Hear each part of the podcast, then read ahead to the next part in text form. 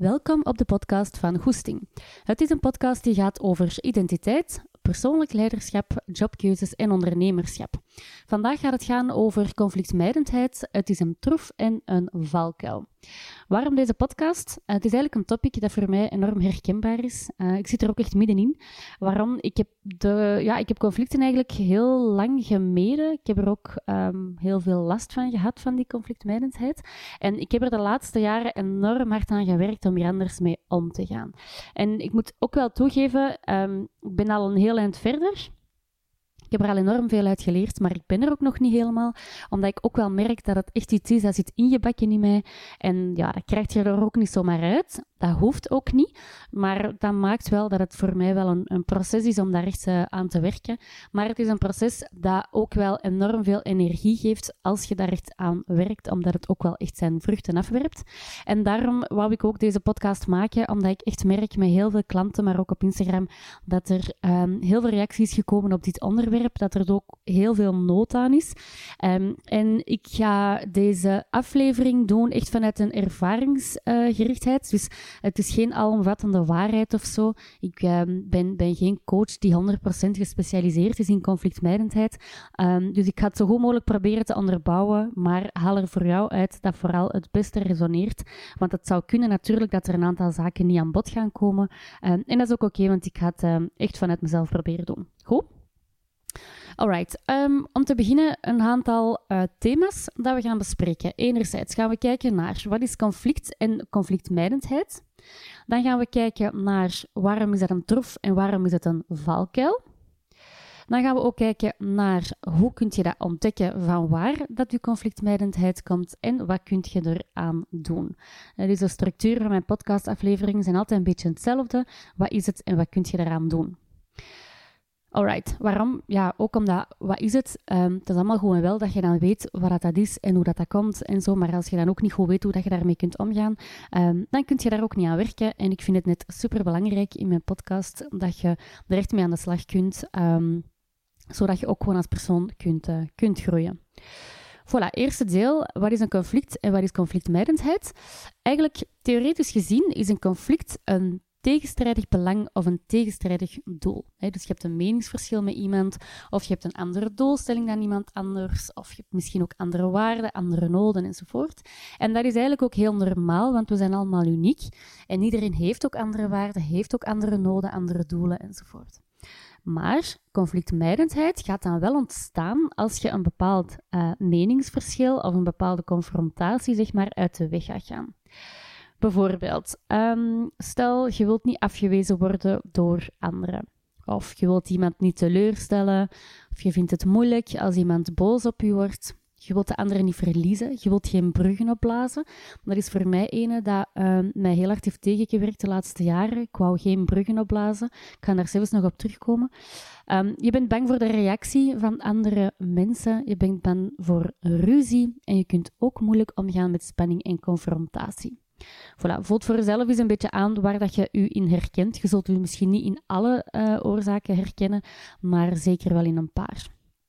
Alright, er zijn ook twee soorten conflictmijdendheid. Enerzijds heb je zo wat het, het, toedekken of het sussen zo. Je zult dat misschien herkennen.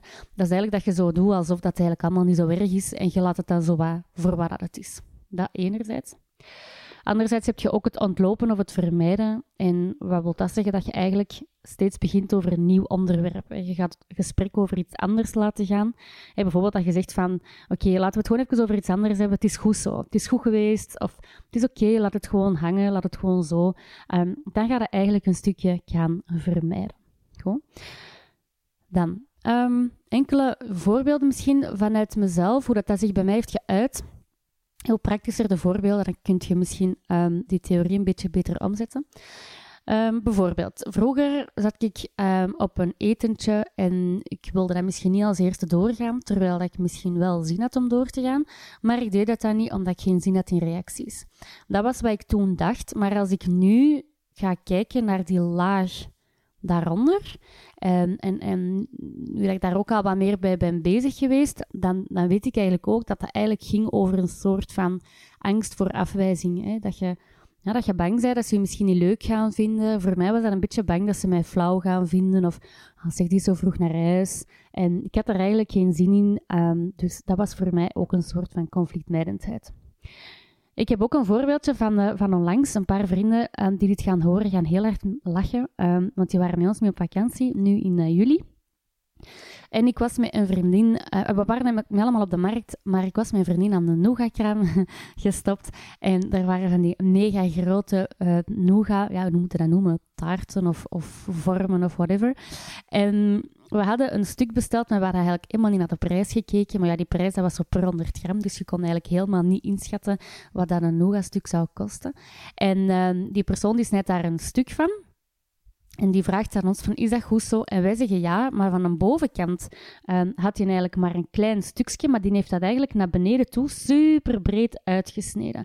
Waardoor dat, dat eigenlijk een gigantisch stuk nougat was geworden. Um, en ik zei nog tegen die vriendin van, maar zeg, dat gaat wel wat kosten. Dat gaat zeker zo oh, 30, 40 euro zijn of zo. En ineens zegt die gast die prijs. En dat was 160 euro. Echt waar. 160 euro. Wij zakten echt door onze knieën. Um, ja, en het ding was, ja, je voelt mij al aankomen. Ja, ik ben super conflictmijdend. De vriendin die erbij was, ja, die vindt dat ook een beetje moeilijk. En wat ik wel heb gemerkt, is dat ik wel durfde te discussiëren met die man. Dat ik wel kon zeggen, maar dat is helemaal niet oké. Je hebt dat helemaal niet goed afgesneden. Of ik wil, kom maar de helft betalen. Of, en, en dat kon ik wel zeggen. Maar ik merkte ook, ja, zelfs een helft wil ik daar niet voor betalen. Want dat is gewoon echt marginaal veel geld voor, voor een stukje nougat. Oké, okay. um, met alle respect natuurlijk voor, voor mensen die dat maken, maar dat was gewoon super duur. En um, dus ik voelde wel, ik kan wel discussiëren, maar wat ik niet heb gedurfd, is dat stuk niet te kopen. Voor mij was dat ook een beetje, ja, ik voelde mij ook zelf wel wat verantwoordelijk, omdat wij ook wel dat stuk hadden laten afsnijden. Maar dan kwam Alex, Alex is uh, uh, een vriend ook die mee op vakantie was, en die ging gewoon los die confrontatie aan en die zei heel kordaat en heel kort van, ja, we gaan dat stuk gewoon niet kopen en die kous die was af. Maar wij hadden daar met twee al tien minuten gestaan. De mensen waren kei boos en ik voelde ook dat dat ja, het niet kopen was voor mij misschien ook weer wat, wat, te veel. Ik had wel een stuk willen kopen, maar ik merkte dan ook dat die dan boos waren dat, dat ik erop keert in mijn kleren, bij, bij die vriendin ook. Um, maar ja, maar bij, bij die vriend, die had er eigenlijk helemaal geen last mee. Die kon dat ook heel rationeel bekijken. En op dat moment merkte ik ook wel echt wel van, oké, er zijn wel gradaties waar ik merk dat ik dat nog wel heel moeilijk vind. Maar voilà, dat is eigenlijk een, een heel concreet voorbeeld. Wat is er nog een voorbeeld? Ik heb dat misschien zelf niet echt gehad, maar dat is wel iets dat ik heel veel tegenkom in de praktijk. En dat is bijvoorbeeld dat als je een nieuwe job hebt en dat je werkgever heeft gezegd van oké, als je nu start, krijg je dit loon en in december gaan we uh, spreken over een salarisverhoging.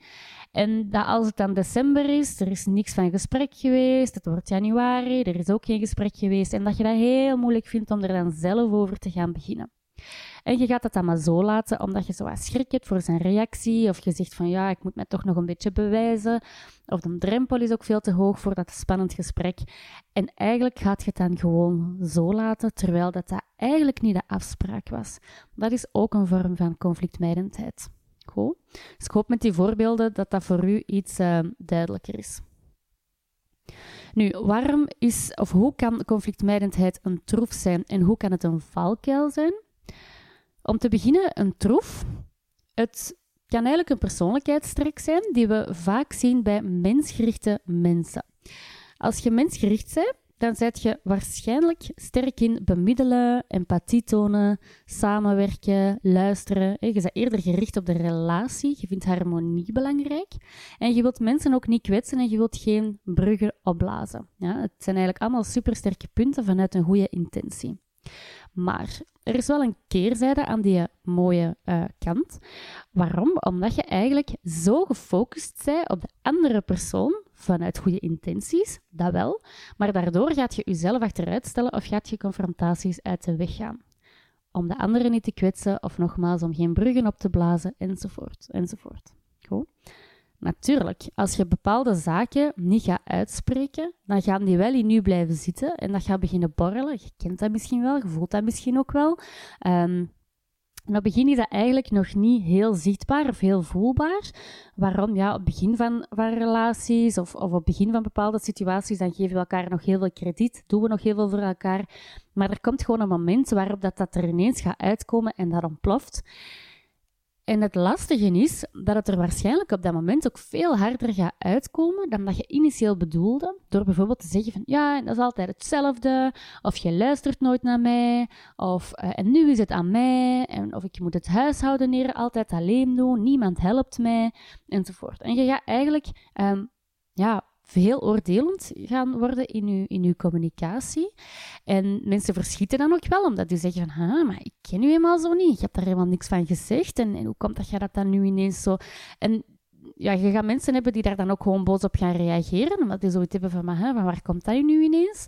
En eigenlijk, um, ja, eigenlijk heb je zelf die verwachtingen van op het begin wel al gezet. En dat is iets wat we soms wel vergeten bij conflictmijdendheid, dat dat iets is dat vaak bij ons zelf begint. Ja? We gaan daar zelfs nog op terugkomen. Nu, wat kan nog een, een valkuil zijn, of, of ja, toch wel een gevaar zijn misschien een beetje van conflictmijdendheid, is um, het kan ook je relaties gaan schaden. Waarom? Omdat je eigenlijk niet gaat zeggen wat er u op het hart ligt. En theoretisch weet jij ook wel dat dat het beste is om open te zijn, maar die drempel is gewoon te hoog voor u. Ik weet ook wel dat dat veel beter is om gewoon open te zijn, maar die drempel is gewoon hoog, waardoor dat dat soms toch niet ga doen. Weet wel dat door net je conflictmijdendheid, dat je net daardoor soms conflicten gaat veroorzaken. Dat is iets dat ik eigenlijk onlangs zelf heb ontdekt uh, tijdens een coaching. Want ik ben coach, maar ik laat mij ook wel coachen. Uh, waarom? Dat ik dat gewoon super belangrijk vind om rond bepaalde thema's ook wel te werken. En ik had echt het gevoel, ik moet echt rond mijn conflictmijdendheid werken. Nu, wat heb ik nu ontdekt? Ik heb eigenlijk in mijn vorige twee jobs um, ja, iets meegemaakt. In die zin dat die samenwerking eigenlijk niet super goed is geëindigd. En ik ben onlangs er pas achter gekomen waardoor dat, dat denk ik, komt. Nu, in die samenwerkingen bij allebei, ik voelde echt dat waren mensen waar ik ook wel veel respect voor had, de eigenaars. En ik wilde ook geen bruggen opblazen, ik wilde harmonie. Misschien wou ik ook wel dat die mensen mij graag hadden. Um, ik vind het ook moeilijk om te zeggen, deze, omdat dat iets is ja, dat je... Iedereen wil graag gezien worden, maar voor mij was dat misschien toch ook wel een vorm van, van oh ja, toch een oorzaak van die conflictmijdendheid. Um, en omdat ik zo gefocust was op die relatie en op die harmonie, ging ik eigenlijk niet altijd transparant zijn over wat ik echt, echt wilde. Ik durfde dat eigenlijk gewoon niet te zeggen, omdat ik ook wel enthousiast was over hun projecten of over hun bedrijf. En ik ging daar dan in mee en ik meende dat ook wel. Maar misschien lag mijn prioriteit daar niet. En misschien voelde ik ook wel aan dat, ondanks dat ik wel enthousiast was, dat het misschien toch niet was waar ik naartoe wilde. En daardoor heb ik dan ook niet altijd dat open durven zeggen. En heb ik ook wel, ja, daar misschien toch twee bruggen opgeblazen. Nu, natuurlijk, het is altijd een verhaal langs twee kanten. Hè? En, en ik ben ook een, iemand, ik moet dan ook weer opletten dat ik dat niet helemaal op mijn eigen ga betrekken. Um, maar ik heb toch wel ontdekt dat, dat dat toch een groot aandeel is geweest van mij. Het is eigenlijk mijn, uh, mijn coach die mij dat ook heeft gezegd van... Um, ja, Sofie, maar met mij heb je dat ook. En, met mij ook, voel ik ook dat je niet altijd open bent, waardoor dat je misschien, um, dat je misschien door die conflicten, dat, dat dat daarom ook herkenbaar is. En ik vond dat zo confronterend dat zij dat zei, want dat is enerzijds mijn coach, maar dat is ook iemand waar ik mee samenwerk in mijn loopbaancentrum. En het is eigenlijk doordat zij dat heeft durven benoemen, dat dat eigenlijk aan het licht is gekomen. En um, dat zijn dingen dat je vaak pas gaat ontdekken als je je laat coachen. En dat is ook de reden waarom dat ik deze verhaal meegeef, omdat we soms gewoon niet doorhebben uh, hoe dat iets tot stand komt. En dan gaan we misschien heel snel de anderen gaan beschuldigen, terwijl dat het eigenlijk grotendeels ook aan onszelf ligt. Of dat, het, dat toch ook wel een groot aandeel ligt bij onszelf. En dat is niet erg, maar je moet wel weten van waar dat, dat komt. En daarom is coaching eigenlijk wel iets keigoed. Nu, wat kan nog een, een, een voorbeeld zijn? Um, dat is ook iets dat ik met een klant eens een keer heb besproken. Er was iemand en die had dan haar gevraagd om een bepaald project te doen, om samen te werken. Maar eigenlijk voelde zij langs alle kanten dat ze dat misschien niet wou doen. Maar ze durfde dat eigenlijk niet te vertellen, om, om ja, ze, stond er eigenlijk helemaal niet mee achter. Dat was niet haar visie waar zij met haar bedrijf naartoe wou gaan. Maar ze was zo gefocust op ik wil die anderen niet kwetsen of ik wil ook de juiste woorden vinden om die te vertellen, waardoor dat ze dat gesprek eigenlijk lang heeft uitgesteld. Ik denk dat het een paar weken was, ben ik zeker. Maar intussen heeft die persoon ja, weet hij eigenlijk van niks en denkt hij van oké, dat komt hier wel goed, of hoopt hij ook nog wel, of wacht hij op een antwoord. Maar als jij weet eigenlijk op de begin al van ik ga dat niet doen, en die persoon is eigenlijk aan het wachten, ja, is dat eigenlijk niet correct. Want intussen kan die andere persoon ook helemaal niet zoeken naar een andere oplossing. En ontneemt je die persoon eigenlijk ook de kans om zelf vooruit te kunnen gaan. En in dat opzicht is het ook wel heel belangrijk om te weten wat dat de, ja, wat dat de impact ook wel kan zijn van je conflictmijdendheid. Goed? Dus ga altijd kijken van wat is de impact op iemand anders dat ik conflictmijdend ben. Um, dat zie ik ook heel vaak in loopbaanbegeleiding. Hè. Mensen die bijvoorbeeld niet tevreden zijn over hun job of over een bepaalde situatie, maar dat die dat dan niet durven zeggen aan hun baas, bijvoorbeeld. Maar als, als jij niet spreekt, dan kunt je ook je baas of je collega of wie dan ook kunt je ook, moogt je eigenlijk ook die persoon niks verwijten. Want als jij niet spreekt, dan kunnen zij ook niks veranderen aan een bepaalde situatie, omdat zij ook niet weten dat je daarmee zit. En dat is iets wat ik enorm veel hoor, want ik heb ook die, die teamleaders en zo, die zitten hier ook bij mij in, coaching, en die zeggen dan ook vaak van, maar... En ineens bij dat ontslaggesprek, dan zeiden die mensen van, ja, dat, dat, dat en dat, maar ik heb dat nooit geweten. Dus ik als ik dat had geweten, had ik daar iets aan kunnen doen. En oké, dat gaat ook aan andere dingen liggen, hè, want dat gaat ook liggen aan uh, vertrouwen in het team, openheid, betrokkenheid enzovoort. Dus dat gaat zeker aan verschillende factoren liggen. Maar weet gewoon, of zij gewoon bewust um, dat niemand iets kan veranderen aan een situatie als jij niet open bent over hoe dat jij je voelt of wat je nodig hebt. Goed? Oké, wat kan nog een valkuil zijn van uh, conflictmijdendheid?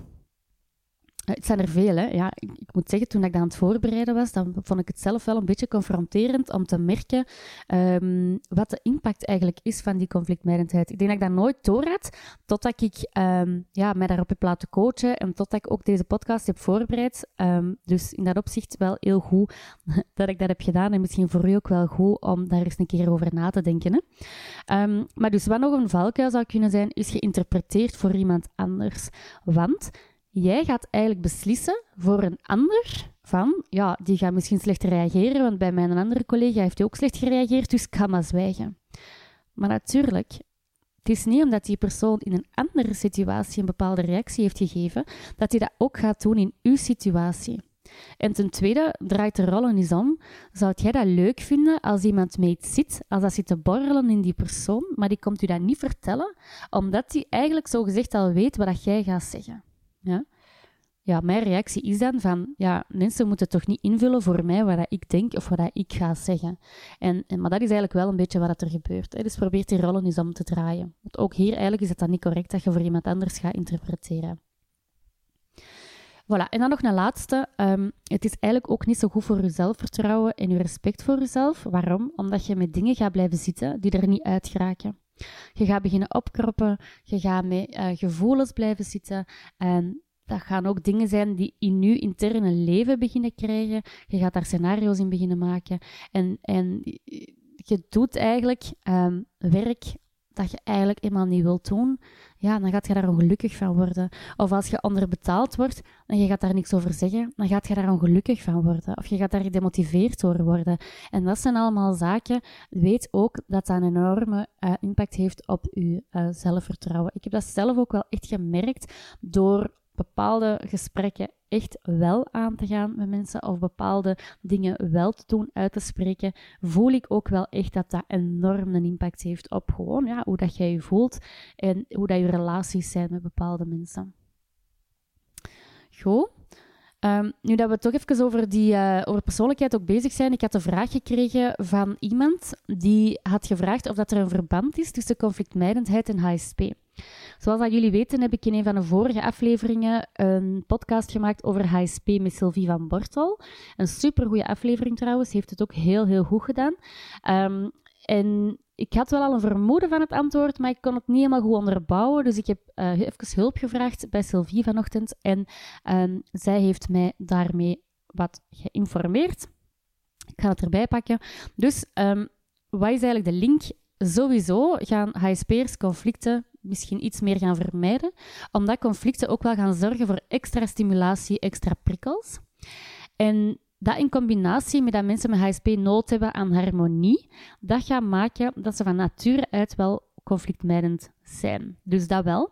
Langs de andere kant zegt ze ook wel van het is ook wel niet zo zwart-wit, want dat kan zijn dat jij wel HSP hebt, maar dat jij van thuis uit bijvoorbeeld hebt meegekregen om bepaalde confrontaties wel aan te gaan, of omdat je ouders mensen waren die daar echt wel ook dat actief deden dan gaat dat voor u ook iets zijn dat vertrouwd gaat zijn en gaat dat nu wel doen. Hè? Dus probeer dat niet zo zwart-wit te bekijken. Um, het heeft enerzijds te maken met persoonlijkheid, maar anderzijds, anderzijds heeft dat ook wel te maken met um, uw, uw gezin van herkomst, zeg maar, hè, wat je van thuis uit hebt meegekregen. Goed? Voilà, dat was het stukje over um, de voor- en de nadelen van uh, conflictmijdendheid. Nu, hoe kun je ontdekken van waar dat die conflictmijdendheid komt? Ik heb daar juist al een klein stukje uh, besproken, maar zoals dat ik er juist al zei, het kan te maken hebben met persoonlijkheid. Um, dus als je iemand bent die heel harmonieus is, mensgericht en empathisch bijvoorbeeld, dus dat is een stukje herhaling. Maar het kan ook gelinkt zijn met je gezin van herkomst. Hè. Dat is wat ik er juist ook zei, van hoe zijt je opgevoed?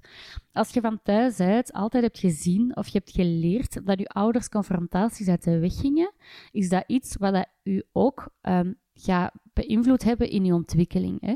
Maar als jij van thuis uit ook gewoon bent om bepaalde conflicten op te zoeken, um, of je hebt, je hebt gezinnen waar dat bijvoorbeeld discussie heel centraal staat, en dan zeg ik heel bewust geen ruzie of conflict, maar bepaalde discussies, het uiten over meningsverschillen, heel open zijn, dan gaat je daar waarschijnlijk als persoon ook wel minder last mee hebben.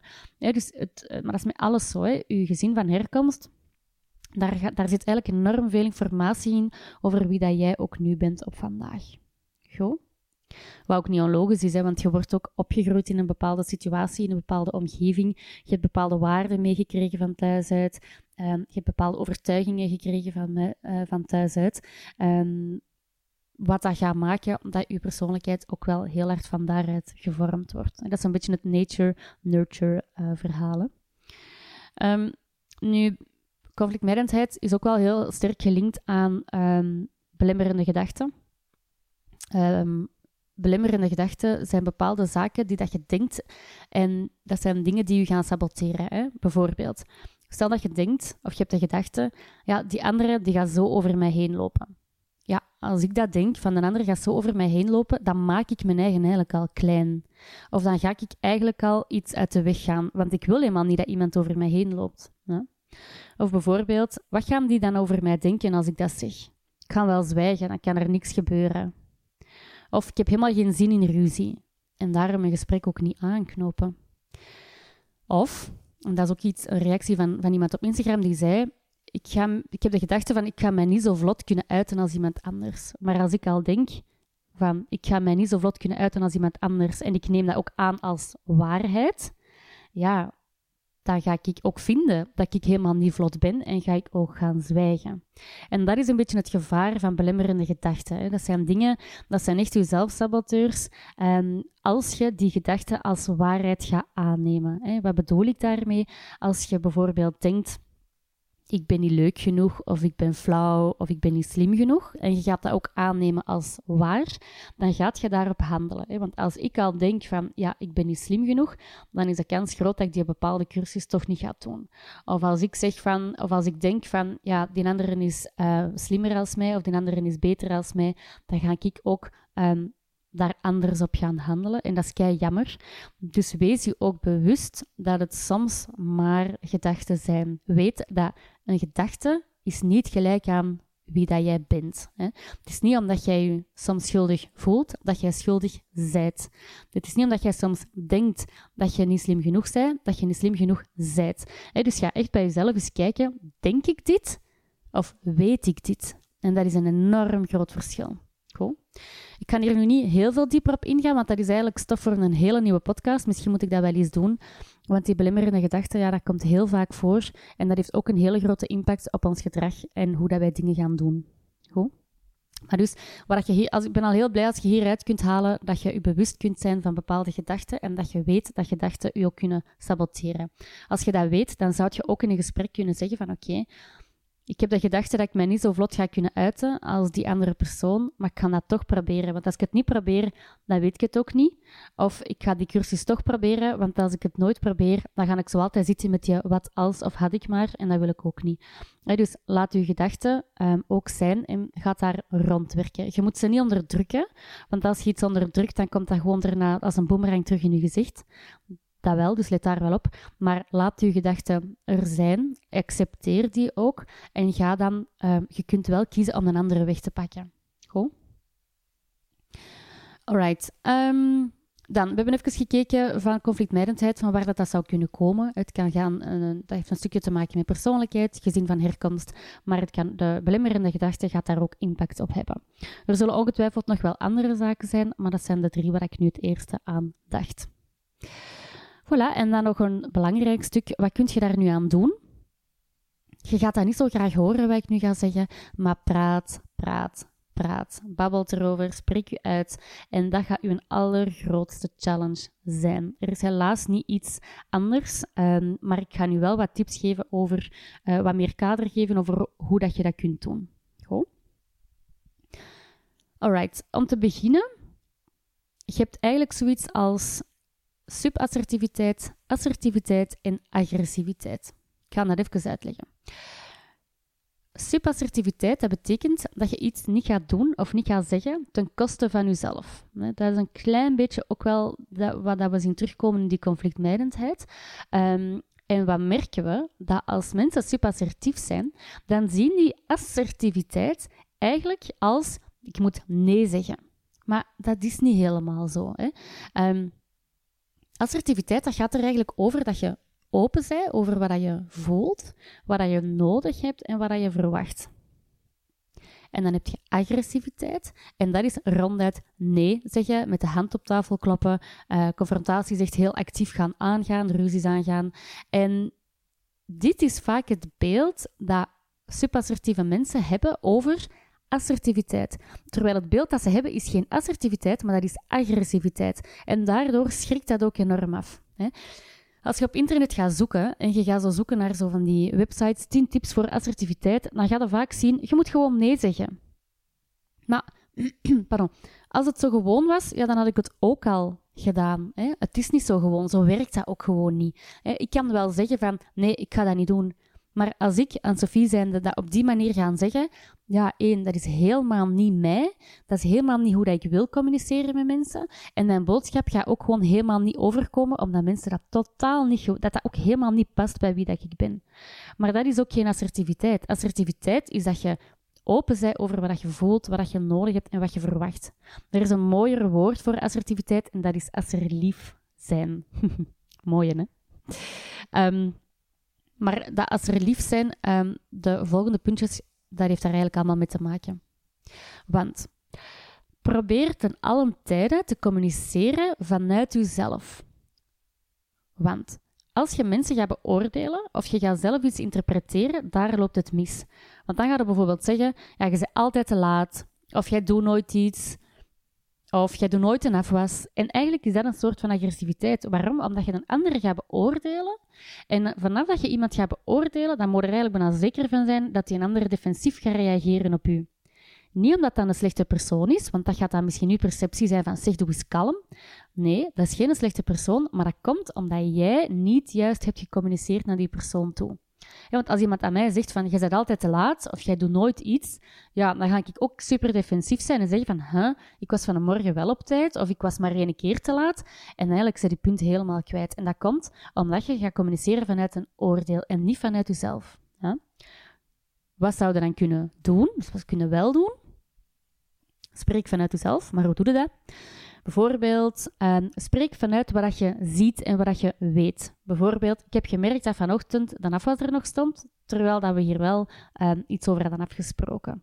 in plaats van jij doet nooit een afwas. Ja? Doordat je zegt ik heb gemerkt dat, gaat die persoon ook veel minder in een aanval gaan, omdat het gewoon een objectief feit is. Ja? Wat je ook over zou kunnen spreken is je gevoel. Hè? Ik voel dat. Hè? Het raakt mij als jij dat zegt, of dat maakt mij boos, of dat maakt mij onzeker. Hè? Ik merk ook bijvoorbeeld, Dominique is daar supergoed in. Dominique kan eigenlijk heel open zijn over wat hij voelt. En die kan echt zo in een situatie, als ik zoiets zeg, kan die zo echt zeggen, maar dat maakt mij eigenlijk onzeker als jij dat zegt. Of dat raakt mij echt als jij dat zegt. En doordat hij dat op die manier zegt, die zou ook gewoon defensief kunnen zijn of boos kunnen worden, maar doordat je dat op die manier zegt, merk je ook van, oei, maar ik wil dat eigenlijk helemaal niet. En dan kunnen we eigenlijk een heel goed gesprek daarover hebben. Snap je? En dat is omdat hij niet gaat oordelen. Wat zou dan nog kunnen doen? Spreken vanuit waar je nood aan hebt. Ik heb nood aan openheid. Ik heb nood aan liefde. Ik heb gewoon nood dat jij mij even een knuffel geeft in plaats van, uh, ja, je bent altijd weg.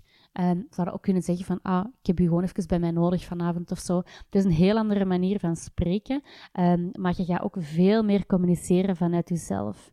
En je gaat echt merken dat dat al een enorme, um, ja, iets keigoed is om je uh, conflictmijdendheid daar een stukje in drempelverlagend te zijn, in toch open te kunnen zijn. Ja? Maar ik weet niet wat dat duidelijk was. Wat ik daarmee wil zeggen is, als je vanuit jezelf communiceert, dan wordt de drempel lager om open te zijn. Voilà. Hopelijk is dat wat duidelijk. Um, Goed, nog iets kleiner is dat dan wel, maar ga moeilijke telefoontjes ook niet uit de weg. Um, ik, vroeger liet ik zo Dominique altijd die lastige telefoons doen, maar nu doe ik dat gewoon zelf. Niet omdat ik dat leuk vind, echt niet, want dat kost mij heel veel energie, maar ik moet dat van mezelf. Um, leg, ik dan mijn, leg ik dan mijn lat hoog? Ja, misschien wel, maar aan de andere kant, dat is echt iets waar ik aan wil werken. Dus ik vind van mezelf dat ik die telefoons zelf moet doen.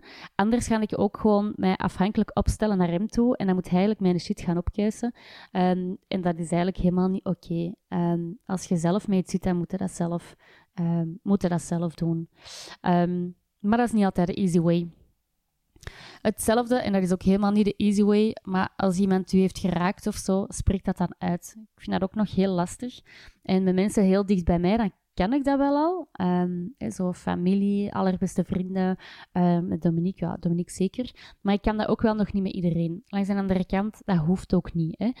Um, want ik stel mij ook dan vaak de vraag van, oké, is dat nu echt belangrijk of niet? En die choose your battles, dat zit ook vaak heel, heel vaak in mijn hoofd. Ik ga ook nu niet met alles en iedereen daar voor mijn eigen... moet ik dat zeggen? Mijn eigen daar super hard in gaan stretchen. Misschien dat dat op termijn wel gaat komen, dat dat wel kan.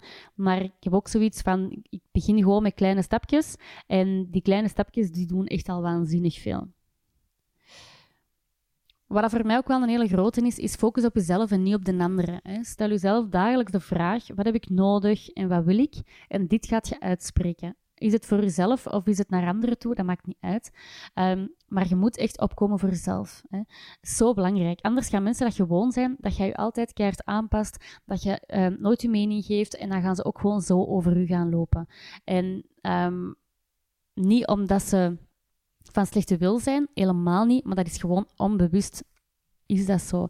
Als je als je, nooit je, als je daar nooit open over gaat zijn en je hebt mensen die daar iets minder mee bezig zijn met deze thema's, gaan die dat ook niet opmerken en gaan die ook dat van u verwachten. En als je dan toch op een bepaald moment je wel gaat uitspreken, um, ja, dan gaan die misschien even verschieten, maar dat is ook gewoon ergens een nieuw verwachtingspatroon dat je dan gaat opbouwen.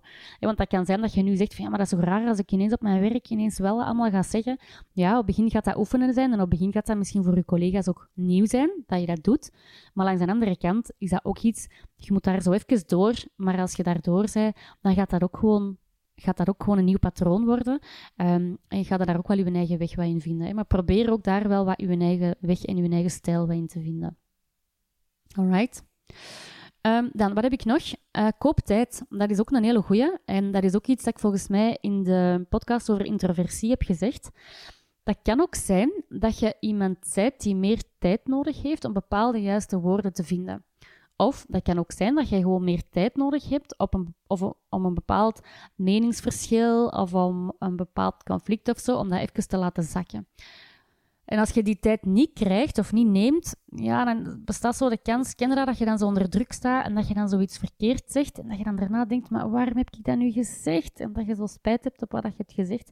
Ja, ik heb dat dus heel vaak gehad vroeger, kei. Um, maar dat komt gewoon omdat ik, ik kan niet zo goed onder druk uh, spreken. En ik heb echt nood aan, dat is niet lang hè, drie minuten of zo, of vijf minuten bedenktijd, om zo gewoon even de situatie te laten zakken en nog eens even te gaan zien van, oké, maar wacht, wat is hier gebeurd? Wat is hier gezegd geweest? Wat waren hier nu weer de feiten? En ja, hoe had ik het misschien zelf anders kunnen doen? Wat wil ik aan een andere vertellen? Dat zijn allemaal zo wat van die vragen waar je dan even tijd voor krijgt om dat te doen. En je zult nu misschien wel denken van, ja, je hebt toch niet altijd tijd. Nee, dat is, dat is niet altijd zo. Maar als het kan, geef jezelf die tijd. Je zou bijvoorbeeld kunnen zeggen in een situatie dat je zegt van, um, ik heb je gehoord, ik kom hier later op terug. Of um, ik denk er heel even over na en ik bel je binnen vijf minuutjes terug. Of ik laat deze even een momentje bezinken. Is dat goed dat we er subiet even iets over, uh, dat we er even over spreken? Of zullen we er straks even um, er verder over spreken met een pintje bij of zo? Um, op die manier kunnen eigenlijk tijd gaan kopen. En gebruik die tijd om ook even na te denken over, oké, wat is hier nu gebeurd en hoe wil ik dit gesprek nu aangaan? Goed. Dan hebben we ook nog, ik heb er juist al wel wat verteld, maar um, blijf bij de feiten. Als je iemand zei die mensgericht bent, dan gaat je je relatie meestal gaan focussen op die relatie.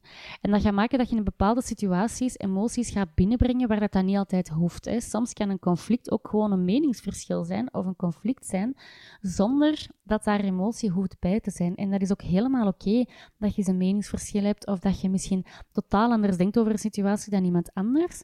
Um, dus ga jezelf ook in, in bepaalde situaties afvragen van oké, wat zijn hier eigenlijk de feiten? En je gaat merken dat dat echt een heel andere manier van denken wordt. Dat kan zijn in een, um, laten we zeggen, in een meningsverschil.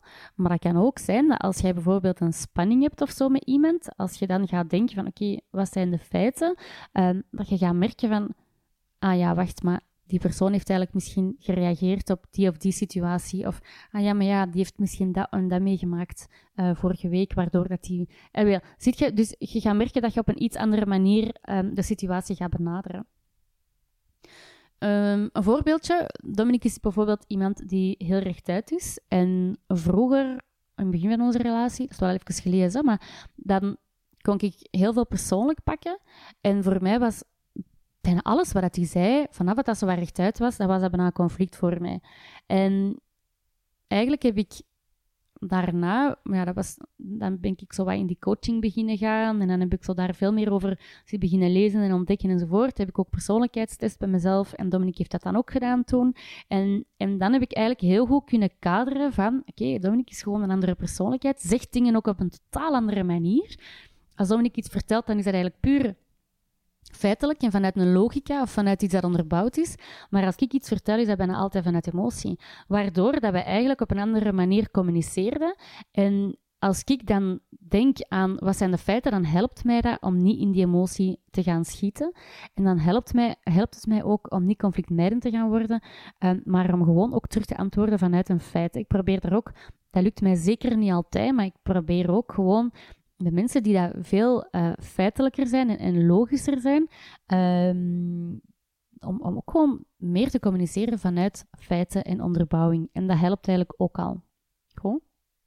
Ik heb er juist heel even gesproken over een persoonlijkheidstest. Um, dat is iets dat je bij ons ook kunt tonen in coaching. Dat is eigenlijk een test die je gaat meten op drie niveaus. Eén, wie ben je als niemand kijkt? Twee, wie ben je in dagelijkse omgang? En drie, wie ben je onder stress? En daar gaat je ook die conflictmijdendheid een stukje kunnen gaan detecteren. Of dat kunnen we ook daar kijken um, hoe dat, dat zich uit bij u, van waar dat, dat komt en wat je eraan kunt doen. Hè? Dus dat zijn dingen, laat u daar zeker op coachen als dit voor u uh, herkenbaar is. Alright, en dan heb ik nog een laatste. Um, een ja, tip of advies is dat misschien niet, maar iets dat mij ook soms helpt, is um, te denken van oké, okay, wat is de worst case scenario? In een bepaalde situatie maken we het in ons hoofd soms groter dan, dan het is. En als je dan echt gaat nadenken over, worst, worst, worst case, what can happen? Dan gaat je merken dat het eigenlijk wel meevalt. En dan gaat je ook al een stukje relativeren, rationaliseren. Nee, niet rationaliseren, ja, jawel, misschien normaliseren. Waardoor dat je eigenlijk, dat je drempel eigenlijk veel lager wordt om dat bepaald gesprek toch wel aan te gaan. Dus dat is eigenlijk ook wel een dat helpt.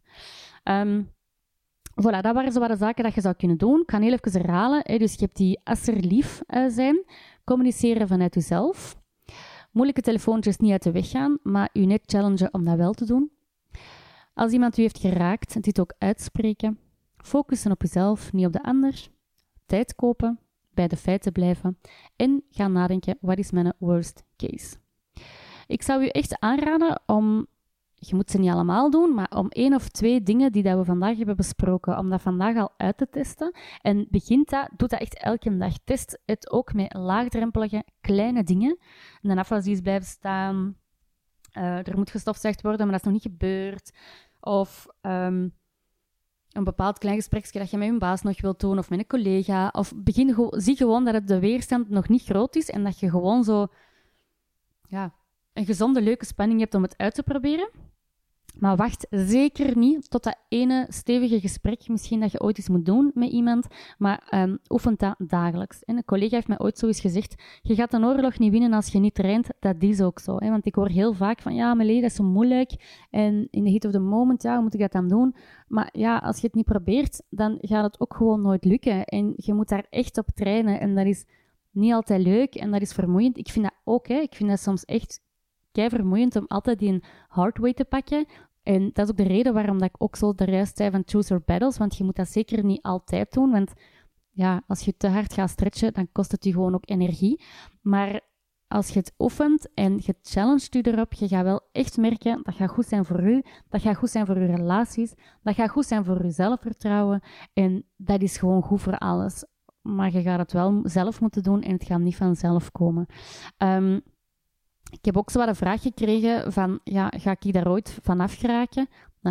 ja, enerzijds wil ik zeggen, ja, natuurlijk, als je er zelf in gelooft en als jij dat zelf echt wilt en als je er energie in steekt om daaraan te werken, dan gaat dat. Natuurlijk, het blijft ook nog altijd een stukje, um, een stukje van jezelf, maar zie gewoon, die balans moet juist zijn. Hè. Um, het, is, niet erg om, de focus op te, om te focussen ook op de ander, maar zie gewoon dat het niet ten koste gaat van jezelf. En dan zijn het echt oké. Dus het gaat eigenlijk allemaal over die balans. Verwacht ook niet van jezelf dat je daar vanaf moet geraken. Verwacht ook niet van jezelf dat je dat ineens niet meer bent, want dan zijn je ook gewoon ineens een andere persoon. En dat zou misschien ook gewoon helemaal niet... Allee, dat zou ook gewoon niet meer echt of authentiek zijn. Hè? Dus um, probeer daar ook niet te extreem in te gaan. Um, maar voilà, dus onthoud echt dat jij altijd ook de controle hebt over jezelf. Um, je weet niet hoe de anderen gaan reageren. Je hebt dat ook niet in de hand. Het enige wat jij kunt doen is vanuit jezelf spreken. En als anderen daar um, niet goed op reageren, ja, dan is het om, ook soms hun stukje. Hè? Het enige wat jij kunt doen is communiceren van jezelf en onthoud zonder oordeel en zonder interpretatie. En als je dat kunt doen, dan gaat dat echt een grote impact hebben. Dat gaat je ook echt authentiek maken weet ook, ik heb het al gezegd, het gaat niet vanzelf gaan, maar als je er niks aan doet, gaat er ook, niet aan, gaat er ook niks aan veranderen. En het is echt haalbaar um, om eraan te werken. Ik heb het ook gedaan, het is niet gemakkelijk, maar het is echt haalbaar. En um, je krijgt er zoveel voor terug, dat je na een tijd gewoon het zelf niet meer anders gaat willen. Goed? Nu, als deze voor jou, um, of voor u herkenbaar was, wat we hier allemaal hebben verteld, het lijkt misschien allemaal niet gemakkelijk om te veranderen, maar het is wel mogelijk. En je kunt u daar ook in laten begeleiden. Je kunt u door mij laten begeleiden, door mijn collega Charlotte laten begeleiden, maar je hebt ook heel wat andere coaches en therapeuten die u daarin kunnen begeleiden. Um, zie zelf een beetje bij wie of wat dat je u goed voelt. Um, ik ga u zeker ook nooit om bij mij te komen, want die match is super belangrijk. Um, maar voilà, weet dat wij daar ook op kunnen coachen. Weet ook dat er een, de Lumina persoonlijkheidstest uh, en de webinar daar rond bestaat. Daar kun je alle info vinden op onze website. Um, gaat je heel veel over jezelf leren kennen. En daar is er mij enkel nog te zeggen, ja, merci om te luisteren. Um, ik vond het leuk om deze podcast te maken. Ik heb er ook best wel wat tijd in gestoken, dus als je het interessant vond, um, alsjeblieft, deel hem even op Instagram. Um, dan kunnen we meer mensen bereiken en kunnen we meer mensen helpen. Dat zou super, super leuk zijn. Alright, merci allemaal, fijne dag en tot snel en succes hè. Bye bye.